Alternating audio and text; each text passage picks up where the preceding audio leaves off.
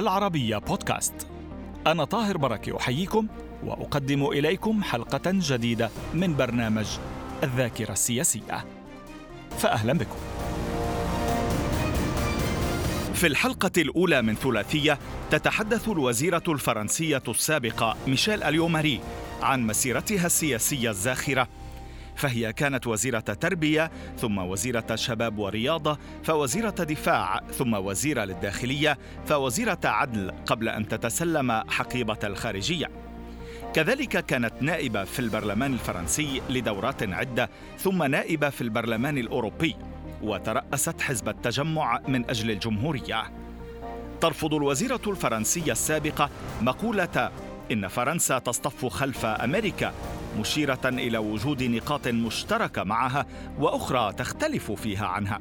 وترد اليوماري على الاتهامات التي وجهت لها حيال الأزمة في تونس فتقول تم تشويه تصريحاتي على مواقع التواصل لأنني كنت مرشحة محتملة لرئاسة الجمهورية الفرنسية. وتنفي رئيسة الدبلوماسية الفرنسية السابقة أن تكون قد استخدمت طائرة الرئيس التونسي الراحل زين العابدين بن علي أو أن يكون الأخير. قد دفع عنها نفقات عطلاتها في تونس.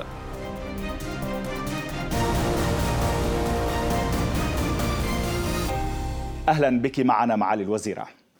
شكرا على دعوتكم لي. في الحقيقة آه، آه، ربما عدد كبير جدا من الوزارات آه، تبوأت مناصبها أو حقائبها. ما يجعلك المرأة الفرنسية الوحيدة في التاريخ الفرنسي التي تبوأت كل هذا العدد من المناصب.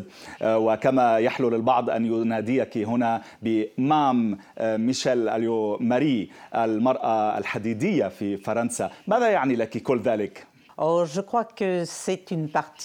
أعتقد أن هذا الأمر فيه الكثير من الشغف في حياتي. لم أعمل في السياسة فحسب إنما كنت أستاذة جامعية في الماضي ولكن هذه الخبرات في السلطة كانت متنوعة حيث كنت وزيرة للتربية ثم وزيرة للشباب والرياضة ووزيرة للدفاع ولقدام المحاربين ووزيرة للداخلية وللأراضي الفرنسية ما وراء البحار. ووزيرة مكلفة بالعلاقات مع الديانات ووزيرة للعدل وأيضا وزيرة للشؤون الخارجية.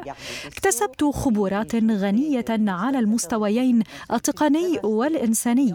حاولت في هذه المناصب كلها تأكيد القيم والأفكار الديغولية وعبرت عن حبي لبلدي. وحاولت أن أعمل من أجل تحقيق تقدم يستفيد منه الجميع ليس في فرنسا فحسب. فنحن نعيش على الكوكب نفسه وثمة ترابط بيننا جميعا ولكن أي تلك المناصب كانت الأقرب إلى قلبك وإلى شغفك؟ Ah, إن المنصب الذي كان محط اهتمامي أكثر من غيره كان منصب وزيرة الدفاع الذي شغلته لمدة خمسة أعوام وهي الوزارة الأكثر تكاملا حيث نهتم فيها بالمسائل الدولية والاستراتيجية ولكن أيضا بالشؤون التي لها صلة بالبحث العلمي وصناعة الأسلحة والمشاكل الاقتصادية والمسائل المتعلقة بالمعدات ولا سيما منها في بلد يمتلك سلاحا نوويا وهذا أمر مهم. في هذه الفترة كانت هناك الكثير من العمليات في أفغانستان التي زرتها مرارا وفي الكونغو في أفريقيا في لبنان وتشاد. اذا في كل الأماكن في الخارج ومنها كوسوفو في أوروبا. كنت على تواصل مع تلك البلدان ومع العسكريين. هذه الخبرة كانت غنية من خلال قيادة رجال رجال ونساء يقبلون أن يضحوا من أجل بلادهم. إذا كنت على تناغم مع هؤلاء الرجال والنساء وأنا سأعترف أنني كأول امرأة تسلمت وزارة الدفاع. كان هذا أيضا عنصرا مهما. سمح لي أن أكتشف الكثير من الأمور لدى الرجال والنساء وثقافات البلدان أخرى كنت على سبيل المثال أعرف بلدان الخليج ولكن ليس كثيرا. وقد تثنى لي في تلك الفترة زيارة المنطقة مرات عدة. تعرفت خلالها على شخصيات المنطقة لفهم الناس وهذه كانت الخبرة الأكثر ثراء بالنسبة لي. هناك وزارات أخرى كانت مهمة أيضا مثل وزارة الداخلية. كنت فيها على تواصل مباشر مع الحياة اليومية للفرنسيين. حاولت فيها إحراز تقدم من أجل تحسين أداء الوزارة وتحفيز العاملين فيها ولكن لم أمكث في الوزارة الداخلية إلا عامين ونصف. وهذه المدة لم تسمح لي القيام بكل الإصلاحات المطلوبة وقتها بعكس وزارة الدفاع التي مكثت فيها لأكثر من خمسة أعوام وهو ما سمح لي القيام بعدد أكبر من الإصلاحات. مع هذه الخبرة السياسية الكبيرة كيف تقسمين المراحل الانعطافات الأهم التي مرت بها فرنسا ما بعد الحرب العالمية الثانية من الديغولية وحضرتك كنت رئيسة حزب أه، ديغولي أه، سابقا. وصولا إلى المكرونية إذا صح التعبير إذا كنت توافقين على التعبير.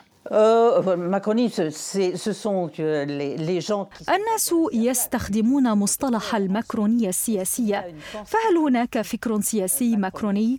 أعتقد أن هذا الأمر مختلف. الرئيس ماكرون نفسه قال إنه يريد أن يختار قليلا من هنا وهناك ولا نستطيع أن نقول هناك عقيدة في الماكرونية أما الديغولية فهي فكر وتصور في إطار علاقات بين الناس وتاليا لفرنسا دور على المستوى الدولي من أجل المساعدة على توطيد الاستقرار والسلام في العالم. وحتى لا يكون هناك استقطاب ثنائي في العالم. في السابق كانت بين الاتحاد السوفيتي والولايات المتحدة واليوم هي بين الولايات المتحدة والصين. إذا كان يجب تلافي هذا الاستقطاب الثنائي الذي يمكن أن يؤدي إلى مواجهة. يمكن لفرنسا أن تلعب دورا من خلال تقديم طريق ثالث لجمع من لا يريدون الاصطفاف إلى جانب الاتحاد السوفيتي سابقا أو الصين حاليا أو الولايات المتحدة لأنهم يودون الحفاظ على هويتهم وعلى استقلالهم. إذا على المستوى الدولي هذه هي السياسة الديغولية وعلى المستوى الداخلي يجب أن تكون كل السياسة من أجل الإنسان لكي تسمح لكل رجل وامرأة أن يتطور ويتقدم بأفضل الأحوال. هذه هي فكرة المشاركة. فعندما يعمل الناس في إطار مؤسساتي يجب أن نعترف بدورهم. هذا إطار إيديولوجي. إذا صح التعبير للديغولية ولا أرى هذا الأمر في المرحلة الراهنة.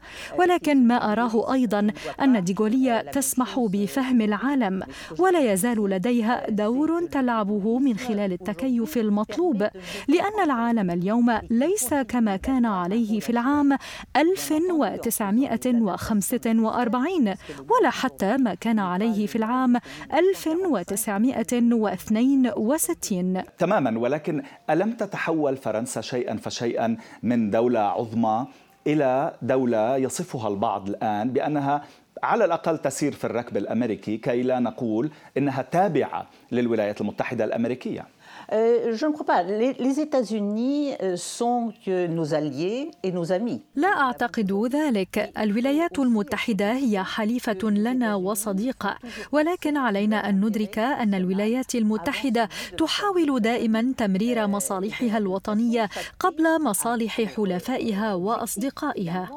وفي الشكل العام كل دولة تهدف في النهاية إلى تحقيق مصالحها. يجب تاليا أن يكون هناك حوار حازم ملؤه الثقة مع الحلفاء والأصدقاء. لا أعتقد أن فرنسا تصطف اليوم خلف الولايات المتحدة. هناك نقاط مشتركة وصداقة ولكن هناك أيضا مواقف قد تكون مختلفة. في العام 2010 كان اسمك مطروحا بقوة لتولي رئاسة الحكومة أيام الرئيس نيكولا ساركوزي ولكن هذا لم يحدث عين مكانك فرانسوا فيون لتحلي في الخارجية لاحقا لماذا؟ بداية أنا لم أتولى وزارة الخارجية مباشرة قبل عام من ذلك الوقت. كنت في وزارة الداخلية. نعم بالنسبة لسؤالك تم طرح اسمي كرئيسة للوزراء وكان ذلك حتى في عهد شيراك في العام 2006 وبعد ذلك تم تعيين دومينيك دوفيلبان لماذا؟ هذا الأمر ليس من سماتي أي ممارسة ضغوط للحصول على هذا المنصب أو ذاك. المناصب كلها التي تم اقتراحها علي لم أطالب بها. وعلينا أن نقر أنه كان هناك رئيسة وزراء سابقة. أنا أحب دائما أن أكون الأولى لأن هذا الأمر يشكل إضافة بالنسبة لي. أعتقد أيضا أنه كان في محيط جاك شيراك كما في محيط نيكولا ساركوزي أشخاص يعارضون يريدون وجود سيدة في هذا المنصب. ربما لأن رئيسة الوزراء الاشتراكية السابقة لم يحالفها الحظ وبالنظر إلى الصفات القوية ربما لم يحصل ذلك. جاك شيراك قال لي اطلبي الوزارة التي تريدينها قبل أن أعينك رئيسة للحكومة أو أن تكوني مرشحة لرئاسة الجمهورية لاحقا. فقلت له لا أريد هذا المنصب. وكنت أعلم أن دومينيك دوفيلبان قد التقى جاك شيراك ليكون هو رئيسا للوزراء بينما أنا لم أقم بهذه الخطوة. هذه العلاقة مختلفة. رئيس الجمهورية يختار رئيس الحكومة وتاليا لم أحصل على هذا المنصب. وهذا ليس مهما ولكنني كنت أول وزيرة داخلية وأول وزيرة للخارجية أيضا وهذه شكلت تحديات لي. تمام. آه، البعض يقول أن ذلك لأنه كان هناك علاقة قوية جدا تربطك بالرئيس ساركوزي أنه كان يريدك فعلا لرئاسة الحكومة ولكن ذلك تعرقل بسبب فضيحة بيتونكور. لا أعتقد ذلك. بعد ذلك الوقت كانت هناك مشاكل تتعلق بنيكولا ساركوزي. هذا الأمر لم يكن يعنيني. لم أهتم بمجال التمويل ولكن لا أعتقد أنه كان لهذا الأمر دور في ذلك الوقت. كان خياره بين رجل وامرأة. رجل يتمتع بمزايا معينة وسيدة لديها خصال مختلفة. تتحدثين كثيرا عن موضوع الهوية آه، الجندرية بما أنك امرأة. هل كان ذلك يعنيكم كثيرا في الحياة السياسية؟ هل حوربت كامرأة رغم كل المناصب التي آه، تبوأتها Oh non, je, je ne crois pas. Moi, j'ai toujours considéré كلا لا أعتقد ذلك. كنت دائما أعتبر أن المرأة تستطيع أن تشغل كل المناصب. هكذا تربيت في عائلتي. قالوا لي ما يستطيع أن يفعله الرجل تستطيع المرأة أن تفعله أيضا. وبالنسبة لي لم يطرح هذا الموضوع أي مشكلة. أنا لست مناصرة للحركات النسوية. أنا أؤمن أن امرأة تتمتع بالكفاية يتم استعبادها من أجل رجل غير كفؤ هو أمر مخزن ولكن أجد أيضا مخزيا. تعيين امرأة أقل كفاية من رجل فقط لأنها امرأة. اذا يجب أن نأخذ في الاعتبار في كل مرة معيار الكفاية وما هي معادلة الكفاية في كل رجل وامرأة مع المنصب المقترح. من جانبي لم أعاني أبدا من أي تمييز لكون امرأة. أنا اجتزت امتحانات وشغلت مناصب عدة. هذه المسألة ربما تطرح في شكل أكبر لدى الرجال الذين يدخلون في منافسة بينهم. عندما تم اختياري رئيسة للحزب الديغولي حزب التجمع من أجل جمهورية أحد منافسي قال لا يمكن لامرأة أن تكون في هذا المنصب. ولكن بعد ذلك تم تعيين امرأة رئيسة للحزب الحزب. كنت أول امرأة تنتخب رئيسة لبلدية ماري سان جان لوز بالقرب من بلدة بياغيتس أيضا قال منافس لي لا يمكن أن تكون امرأة رئيسة بلدية. ولكن بعد ذلك تم انتخابي وبغالبية ساحقة مرات عدة. عندما تم تعييني وزيرة للدفاع تفاجأ العسكريون. ولكن الأمور سارت على ما يرام وبعد ذلك حافظت على علاقتي مع العسكريين حتى الآن عندما تبوأت منصب وزيرة الخارجية ما كانت الأولوية القصوى؟ إذا طلبت منك أن تسمي أولوية أو اثنين بالاسم فقط بالعناوين العريضة لو تكرمتي بالنسبة للأولويات كان علينا استعادة الثقة وخصوصا في مناطق الأزمات. من دون الحد الأدنى من الثقة لا يمكننا أن نتقدم وأن نعالج الأزمات. هذه كانت مسألة مهمة بالنسبة لي وهذا ما حاولت أن أفعله. أن يتفاهم الناس مع بعضهم وأن يبدي كل طرف رأيه بصراحة. أو بين المسائل التاريخية في كل بلد. كانت هذه هذه في طليعة أولوياتي. الأمر الثاني الذي كان يهمني هو إسماع صوت فرنسا المستلهم من القيم الديغولية وأن يتم تأكيد ذلك من قبل السفراء الأكثر كفاية. إن السياسة الخارجية في فرنسا لا يقررها وزير الخارجية. إن سياسة الدولة يقررها رئيس الجمهورية ووزير الخارجية يأتي لتطبيق هذه السياسة ويحاول خلق أفضل الأجواء المؤاتية لتنفيذ هذه السياسة. ولكن الشخصية الطباع الشخصية للوزير تؤثر. وهنا نتحدث عن برنار كوشنير على سبيل المثال. جورج مالبرونو كتب في لوفيغارو يقول إن العالم العربي مثلا كان سعيدا بقلب صفحة برنار كوشنير منوها بك شخصيا كوزيرة خارجية تعرفين العالم العربي عن كثب. لماذا باعتقادك؟ وهل فعلا كان العالم سعيدا بقلب صفحة برنار كوشنير؟ Oh, euh, أعتقد أن العالم العربي كان سعيدا بالحد الأدنى لأنني كنت أعرف العالم العربي وكان المسؤولون يعرفونني منذ كنت وزيرة لدفاع.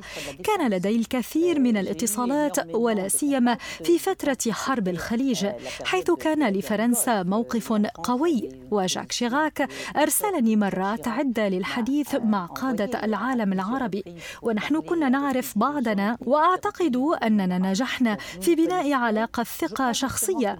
الشيخ محمد بن زايد قال لي مرة عندما تتكلمين نعرف أن هناك شيئا ملموسا سيحصل على المستوى الدفاعي. تم توقيع عدد من الاتفاقات وهذا أكد أن زياراتي لم تكن مجرد سفره عابرة. أتكلم فيها بعض العبارات الجميلة ثم أذهب. كنت عندما أقول شيئا يتم تنفيذ ما أقول أقوله لهذا كان البعض مسرورا عندما تسلمت الوزارة ربما لأنني ديغولية على ما أعتقد ولأننا حافظنا على التقليد الديغولي في العلاقات بين فرنسا والعالم العربي. وهذا كان له أثره في رد الفعل حيالي بطبيعة الحال. أعتقد ما لم تريدي أن تقوليه أنت هو الشخصية الحادة لبرنار كوشنير مقابل تفوقك شخصيا بالابتسامة دائما بالابتسامة العريضة التي التي يشفع لها الكثير من الخبرة السياسية الطويلة. ولكن عموما آه، فإن رئاستك للدبلوماسية الفرنسية لم تطل كثيرا في وزارة الخارجية بسبب الاحتجاجات التي اندلعت في تونس وبسبب تصريحاتك والاتهامات التي وجهت إليك في هذا الموضوع. عطلة على حساب الرئيس بن علي في تونس استخدام طائرة الرئيس الأسبق التونسي بن علي وإضافة إلى تصريحاتك عن المساعدة الأمنية الفرنسية للسلطات التونسية آه، لقمع الاحتجاجات. هل كان هذا السبب الحقيقي وراء استقالتك؟ Alors, je, je, dis tout de suite euh, une chose qui n'est pas exacte. Je, je, ne suis jamais montée dans un avion de Ben Ali. أود أن أقول وأصحح أنني لم أستخدم مطلقا طائرة تابعة لبن علي. نعم الوضع كان صعبا وأنا صرحت وقد أسيء تفسير تصريحاتي في شكل مشوه وخصوصا على وسائل التواصل الاجتماعي. هذا هو الواقع. وقتها كانت بدايات استخدام وسائل التواصل الاجتماعي وتم تشويه تصريحاتي كما لو كنت أنا من أدلى بها وهذا غير صحيح. هذه أمور تحدث في السياسة وفي صورة متزايدة لسوء الحظ. كما تعرفون هذا هو الواقع. هذا الأمر تم تضخيمه من قبل البعض. هؤلاء لم يكونوا يريدون أن تكون لي شعبية كمرشحة لرئاسة الجمهورية. ولم نكن نعرف ما إذا كان الرئيس ساركوزي سيترشح مجددا للرئاسة. وقتها كان اسمي مطروحا وكان هناك أشخاص ربما لا يحبونني. ارادوا ربما تقويض سيرتي ولن أخوض أكثر في هذا المجال. إذا كانت فرنسية فرنسية يعني كانت مماحكات آه، وصراعات داخلية فرنسية فرنسية آه، حزبية وبين سلطة ومعارضة. لذلك آه، يعني زادت حدة هذه الاتهامات. وأحيانا من الداخل الغالبية نفسها. حتى داخل الأغلبية نفسها. هناك دائما مشكلة مع أشخاص يتنافسون مع ضمن الغالبية ذاتها. أنت تقصدين وزراء آخرين؟ دعنا نقول شخصيات على أي حال هذا من الماضي وعلينا أن نترك الماضي للماضي. هناك الكثير مما يجب أن نفعله في الحاضر. هذا البرنامج للأسف بالنسبة إليك على الأقل متخصص في الماضي وليس في الحاضر. آه، ولكن حتى موضوع العطلة تنفيها على حساب الرئيس حتى موضوع التصريحات بالمساعدة الأمنية للاحتجاجات في تونس أيضا تنفينا ذلك للتاريخ؟ لم أفهم ما أرد أن تقوله لي. آه، الاتهامات التي يحكى عنها في العالم العربي بأنك قضيت إجازة في تونس مع عائلتك على حساب الرئيس بن علي وهذا كان ماخذا عليك تحديدا. Ah, كلا ولا أعتقد أن هذا الكلام سبق أن قيل من قبل. لا أحد قال إن الرئيس التونسي الأسبق دفع تكاليف رحلتي. كنت أذهب مرارا في الأعوام الفائتة لتمضية العطله في تونس وقلت ذلك في صورة طبيعية. والرئيس بن علي التقيته أربع مرات فقط طوال مسيرتي المهنية وفي عشاء رسمي في تونس أو باريس. اذا الأمر مختلف تماما عما يقال. لم يكن هناك علاقات خاصة معه. عندما كنت وزيرة كنت ألتقي بنظرائي وبأصدقاء تونسيين. من الجيد جدا أن نستضيفك لكي يعني آه، نكون أمام أجوبة حاسمة منك شخصيا أمام كل الاتهامات التي تملأ وسائل التواصل والإنترنت في هذا الموضوع. تحديدا كتبت مقالا في لوموند بعد ذلك تقرين فيه بفشل الدبلوماسية الفرنسية في توقع أو استشعار ما سيحدث لاحقا في العالم العربي من احتجاجات ضخمة أدت إلى تغيير أنظمة حكم. Euh, هذا الأمر لم يحصل في فرنسا فحسب، إنما حتى الولايات المتحدة لم تتوقع هذه التحركات الشعبية في تونس أو في بلدان أخرى، حيث كان هناك تظاهرات في إطار ما تم تسميته بالربيع العربي. في الواقع كنا نعلم أنه كان هناك عدم رضا وكانت فرنسا تتحاور مع قادة الدول المعنية من أجل تبديل مواقفهم، ولكن الصحيح أيضا أنه على مستوى اندلاع هذه الاحتجاجات لم تتوقعه لا أجهزة المخابرات الفرنسية ولا أجهزة المخابرات الأمريكية. ولكن هناك جزء مهم مرتبط بطبيعة العلاقة التي كانت تجمع الدولة الفرنسية ببعض الأنظمة القمعية كما كانت توصف في العالم العربي رغم القيم الكبرى التي تقوم عليها الجمهورية الفرنسية. ألم يكن هناك تناقض باعتقادك في ذلك؟ Je, je, ne sais pas à quoi vous, vous faites allusion. Il, y a, il faut bien voir qu'il y a... لا أعلم إلى ماذا تلمح. هناك مبدأ فرنسي معمول به هو عدم التدخل. هذا لا يمنع حصول مناقشة وربما تدخل من أجل الإفراج عن بعض الأشخاص أو السجناء المحتجزين لأسباب سياسية. فرنسا قد تفعل ذلك ولكن المبدأ هو مبدأ ديغولي بأنه ليس هناك تدخل في شؤون الغير في بلد معني ما لم يكن بطلب من السلطات الشرعية فيه. معالي الوزيرة اسمحي لنا أن نتوقف عند هذا الحد في هذه الحلقة فقط ولكن على أن نتابع في بداية الحلقة المقبلة معك. شكرا جزيلا لوجودك معنا في هذه الحلقات على شاشة العربية. نتابع وإياكم مع السياسية والوزيرة الفرنسية السابقة ميشيل أليو. ماري في بداية الحلقة المقبلة في الموعد نفسه فأرجو أن تتفضلوا بالبقاء معنا. إلى اللقاء.